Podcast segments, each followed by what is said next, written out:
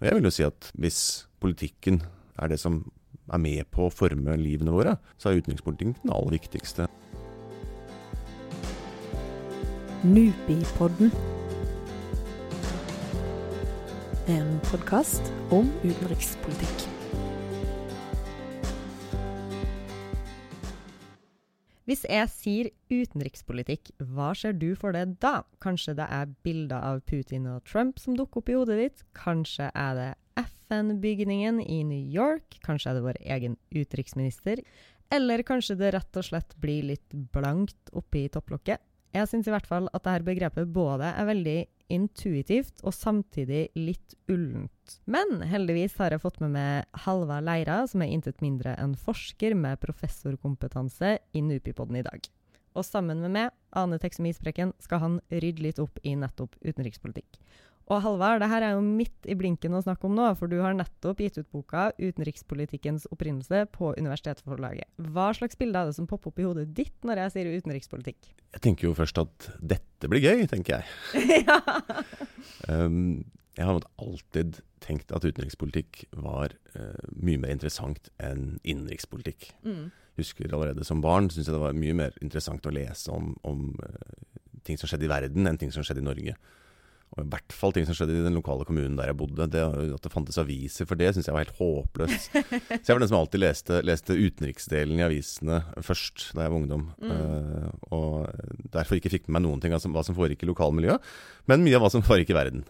Men har du på en måte et slags sånn definerende øyeblikk som du kan huske på for når du begynte å interessere deg for det her? Jeg har vel kanskje ikke noe sånn klart øyeblikk for da jeg begynte å bli interessert i, i det, Kanskje det heller skulle kalle det internasjonal politikk, eller verden rundt Norge. Men utenrikspolitikk er et begrep som jeg begynte å, å se mer på da jeg satt og studerte. Eh, og så skulle jeg egentlig skrive doktorgrad om noe litt annet. Så begynte jeg plutselig å lure på, men når begynte vi å snakke om noen ting som utenrikspolitikk. For jeg er litt enig med deg i det du sa. Altså, jeg tror de aller fleste av oss har en eller annen sånn vag forestilling altså at det er vanskelig å definere utenrikspolitikk helt klart, kanskje. Altså, vi, vi, vi, er ikke helt sikre på det, men vi, kjenner det igjen når vi ser det. Så finnes det en del sånn, faglige definisjoner av utenrikspolitikk. som at Det er det en stat foretar seg overfor en annen stat, eller eventuelt også overfor andre aktører som internasjonale organisasjoner eller store multinasjonale selskaper osv. Men det jeg ble nysgjerrig på, er når begynte vi å tenke om noen ting som utenrikspolitikk? Og hvis det er sånn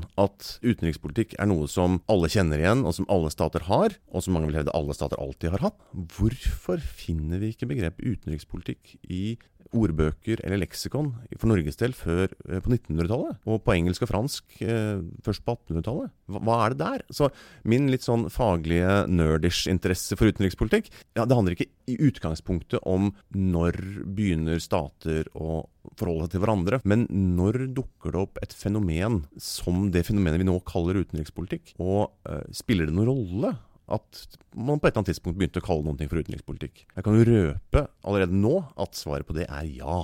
For å ta opp den tråden litt, da. Hvorfor skal vi bry oss om utenrikspolitikk? Jeg mener vi skal bry oss om utenrikspolitikk eh, fordi jeg mener at vi skal bry oss om all slags politikk eh, på ett nivå. Altså, demokrati hviler på at eh, mer eller mindre opplyste borgere forholder seg til eh, politikk, ikke nødvendigvis hele tiden.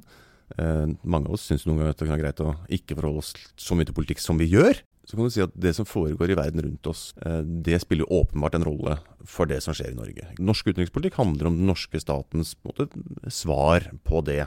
Det handler om hvordan vi reagerer på det som skjer i verden, og hvordan vi forsøker å uh, dytte verden i litt forskjellige retninger, sånn at den blir mer sånn som vi gjerne vil at den skal være. Og Jeg vil jo si at hvis politikken er det som er med på å forme livene våre, så er utenrikspolitikken den aller viktigste. Hva er de viktigste utenrikspolitiske sakene for oss, altså oss i Norge i dag? Jeg tror vel alle vil være enige om at det aller viktigste uh, for alle stater i dag er å finne ut av hvordan vi skal håndtere en verdensomspennende pandemi. Ja, for det er også utenrikspolitikk. Vi håper, krysser fingrer og banker i bord og håper at det utvikles en vaksine. Og så er naturligvis spørsmålet hvordan skal den vaksinen fordeles mellom verdens stater og verdens innbyggere. Og det er jo et spørsmål som berører internasjonal politikk, men også staters utenrikspolitikk. Norge har en, valgt å ta et, standpunkt der og si at vi er, mener at det skal fordeles ikke etter kjøpekraft, men i mye større grad etter behov. Men det er et utenrikspolitisk valg. Så eh, pandemihåndtering er åpenbart et utenrikspolitisk spørsmål. Mm. For å gå litt tilbake til boka di, som jo heter 'Utenrikspolitikkens opprinnelse'. Når og hvordan kan vi si at den norske utenrikspolitikken faktisk begynte? Da må vi gjøre det lille grepet at vi må si at utenrikspolitikk kan benyttes på to måter. Vi kan si at utenrikspolitikk er et analytisk begrep. Det bruker vi. Vi velger å si at utenrikspolitikk handler om f.eks. det stater gjør med andre stater. Dette har vi spor av tilbake til oldtidens Egypt. Dette kan vi velge analytisk å kalle utenrikspolitikk. Så er det det spørsmålet som jeg har vært opptatt av, nemlig når begynner man å tenke om noen ting som utenrikspolitikk. Og det skjedde altså første gang jeg har funnet spor av det, i Storbritannia eh, rundt 1730. Det var sent. Ja, det er ganske forbausende seint. Jeg trodde det var mye tidligere selv. Men det som har skjedd da, hvis du går inn og leser eh, britiske eh, pressedebatter, er at man har fått etablert et eh, skille mellom statens innside og utside. Og det er også ganske ferskt, egentlig. Det er sånn klart skille mellom statens innside og statens utside. Det er noe som dukker opp i politisk tenkning på 1600-tallet. Men allikevel snakker ingen om utenrikspolitikk. Hva er det som driver frem at man snakker om utenrikspolitikk, stilte jeg meg da spørsmål om. Og så leser man disse pressedebattene, og så ser at det som skjer, er at i Storbritannia så begynner man å få en ganske fri presse som begynner å diskutere politikk. Og De diskuterer, det ene, det andre, det tredje, det fjerde, og det diskuteres også i parlamentet, og dette er greit. Men på et eller annet tidspunkt så begynner de å skrive, avisene å skrive om Storbritannias forhold til andre land. Og da eh, slår den regjeringstro pressen tilbake og sier at hei, hei, hei, hei, hei, dette kan dere ikke diskutere. Dette er utenrikspolitikk. Og Da finnes det helt konkrete sitater hvor, hvor opposisjonspressen sier hva er, hva er nå dette for noe? Det er dette dere kaller utenrikspolitikk? Hvorfor skal vi ikke ha frihet til å diskutere det?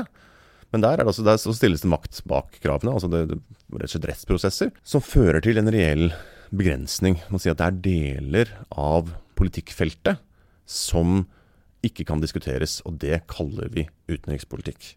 Men, men hvorfor denne her motstanden mot at det skulle diskuteres? Det er vanlig å si at, at utenrikspolitikken eh, må være mer hemmelig fordi det foregår hemmelige ting. Realiteten er jo at utenrikspolitikk som begrep dukker opp nettopp fordi utøvende makt ønsker å holde ting hemmelig.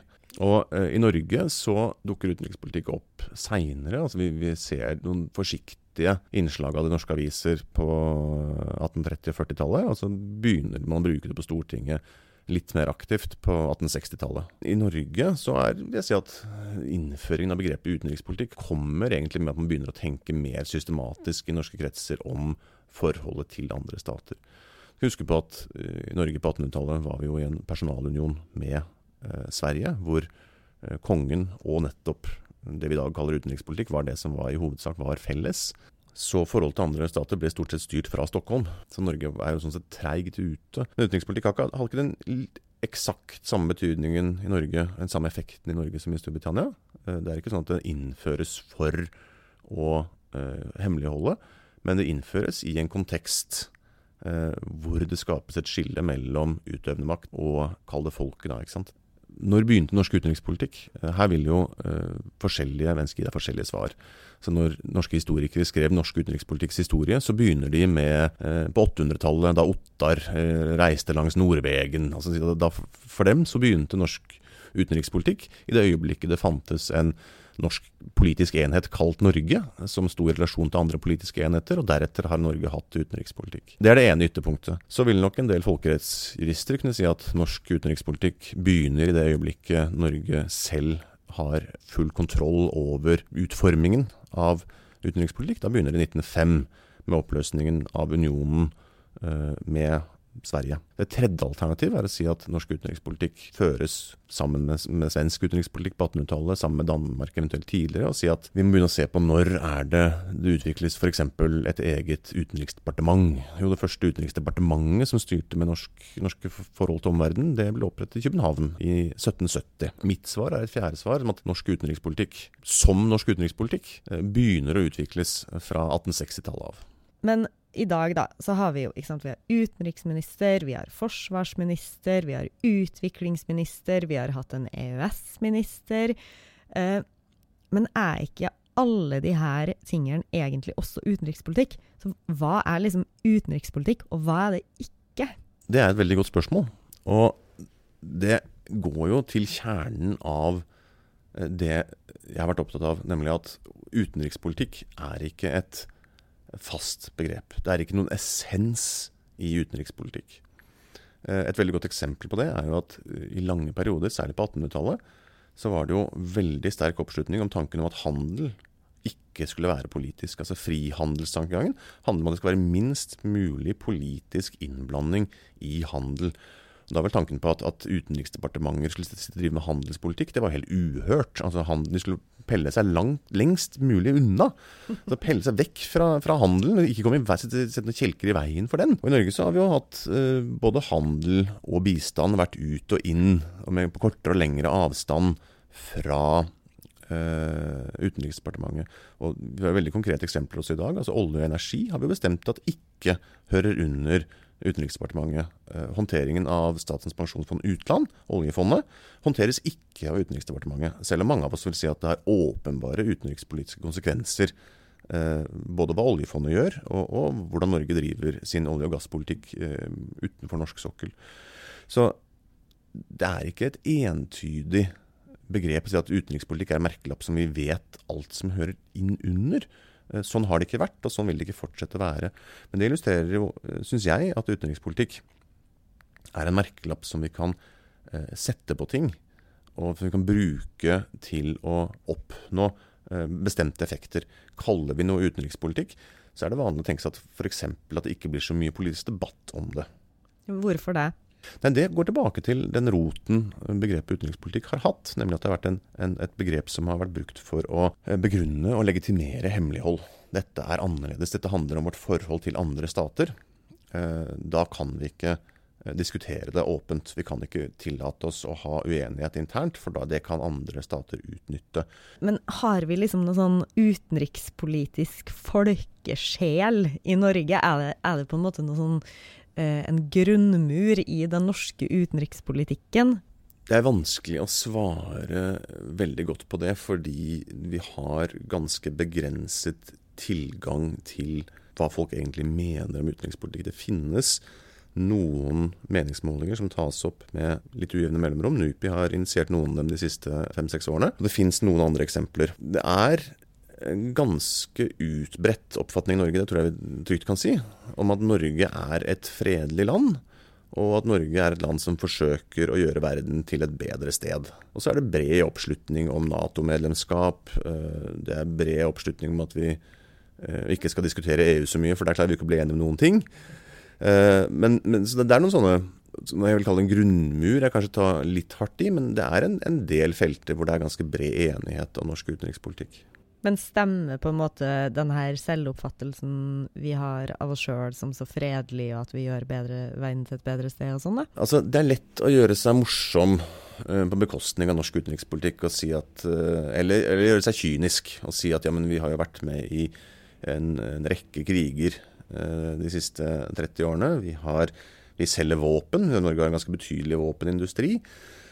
Uh, vi tenker veldig på våre egne interesser på Svalbard. Vi er veldig opptatt av å sikre eh, norsk eh, jurisdiksjon på norsk eh, kontinentalsokkel osv.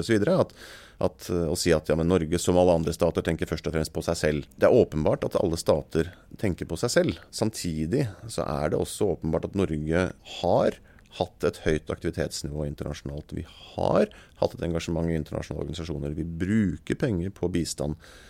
Norge har over mange, mange tiår, eh, tilbake til, egentlig tilbake til norsk selvstendighet i 1905, og i og for seg også før det, i tankegangen om hva norsk utenrikspolitikk skulle være, ment at det Knut Frydenlund, tidligere norsk utenriksminister, kalte en bedre organisert verden, er et gode i seg selv, og naturligvis også en fordel for Norge. Man kan være veldig kynisk og si at alt koker ned til at egentlig så gjør Norge ting i egen interesse. Eh, da tenker jeg at da har man et ganske flatt og uinteressant begrep om egeninteresse. Altså, vi kan godt si at vi bruker 40 milliarder i året bistands, for å gi bistand for at vi skal, det skal i siste instans kommer til å gagne oss, men, men, da skal du ha en ganske eh, lang årsakskjede. Da mener jeg at det er rimeligere å si at jo, det har faktisk å gjøre med at det er en form for altruisme i Norge, og at vi tror faktisk at vi kan gjøre verden til et bedre sted. Så vil noen si at det er overmot, men det er jo typisk norsk å være litt, litt overmodig på disse mm. tingene. da. Altså at Hvis alle bare var som oss, så ville verden bli bedre. Men uh, jeg har pleid å si at uh, det er ikke egentlig dobbeltmoral og hykleri hvis vi tror på det selv. Du nevnte EU-saken, og at vi egentlig bare har lagt den ballen død fordi vi ikke klarer å bli enige. ikke sant? Og da uh, beveger vi oss litt til det her konsensusbegrepet i norsk utenrikspolitikk. Man snakker om konsensus, altså enighet. Og så er det veldig mange som er glad i å si det her med at norsk utenrikspolitikk, den ligger fast. Og hva betyr egentlig det her? Eh, hva mener vi med det her, og, og hva betyr det for måten eh, vi diskuterer utenrikspolitikk på i Norge i dag, eller ikke diskuterer utenrikspolitikk på i Norge i dag? Ja, vi bruker jo gjerne disse begrepene om at altså, norsk utenrikspolitikk ligger fast, Norge skal være til å kjenne igjen. En tanke som ligger under det, er jo tanken om at uh, et lite land, som Norge jo tross alt er, mellomstort land på noen måter, har ikke råd til å bli sett på som vinglete. Vi trenger at, at, å føre en forutsigbar politikk, sånn at vi kan ha forutsigbare relasjoner med andre land. Det er en fordel. Altså det, er, det, er, mye vanskeligere å drive politikk. Det er mye vanskeligere for Norge å, å uh, forholde seg til resten av verden hvis vi skal drive og skifte politikk hele tiden, og hvis folk ikke stoler på oss lenger osv. Så, så, videre. så kan vi si at dette ønsket om enighet, eller konsensus, som vi gjerne bruker når vi snakker om utenrikspolitikk, det er ikke særnorsk. Altså at, uh, I USA så har det vært en, en, en stående frase at 'politics stops at the water's edge'. Altså Vi kan diskutere så fillene fyker internt, men utenrikspolitikk er, uh, kall det, for viktig eller for, for uh, krevende til at vi kan diskutere det. Men, men, men konsensus og enighet, det høres jo på en måte veldig Uh, udramatisk ut, men er politikere og folk egentlig så enige om den norske utenrikspolitikken? Og hva den skal være. Igjen så er det jo eh, ikke alltid så godt å vite. Eh, og Der mener jeg også vi er ved et kjernepunkt. Altså, jeg syns vi burde eh, tillate oss å diskutere utenrikspolitikk mer enn vi gjør. Eh, nettopp fordi det er ikke gitt at det er så stor enighet eh, som vi tror. Men også fordi det kan være nyttig å avdekke at det er en enighet. Og jeg mener at det er et veldig viktig eh, skille mellom det å si at vi er enige, og det å si at vi kan bli enige. Eh, og jeg mener at den prosessen i et demokrati om å bli enige er veldig viktig. Vi kan ikke bare hoppe fra å si at, å si at utenrikspolitikk der er det viktig å holde fast kurs, og det er viktig å, å fremstå samlet utad, eh, til å si at vi er enige om ting. Altså Man må jo eh, bli enige, vil jeg hevde. Og jeg tror vi kunne koste på oss å diskutere flere ting i mer offentlighet, og at flere politikere kunne diskutere tydeligere. Og så tenker jeg at Det er jo ikke noe, noe, noe, svakhet at man eventuelt blir enige i en åpen politisk debatt. Men jeg tenker at ta forholdet til Kina, da, som har vært diskutert en del i pressen. Den, den diskusjonen drives stort sett av uh, aktører i media og uh, forskere. Veldig lite politisk deltakelse. Uh, så kan det godt hende at den politikken Norge fører overfor Kina, er den politikken som vi burde føre overfor Kina. At det er den politikken som de fleste vil være enige om var fornuftig å føre overfor Kina. Men jeg mistenker at, det er noe, at der er motsetninger som vil kunne komme frem i en debatt. Og som vi så eventuelt kunne debattere oss frem til en konsensus. At vi kunne debattere oss frem til å bli enige. Eller oppdage at vi er så uenige at her blir vi ikke enige. Men da må vi bare bestemme oss for en kurs allikevel. Da gjenstår det bare å si gratulerer med en ny bok, og tusen takk til det, Halvard. Og takk til det som hører på. Vil du høre mer fra oss, da anbefaler jeg at du søker opp Nupi enten i Soundcloud, på Spotify eller i en podkastspiller. Vi høres!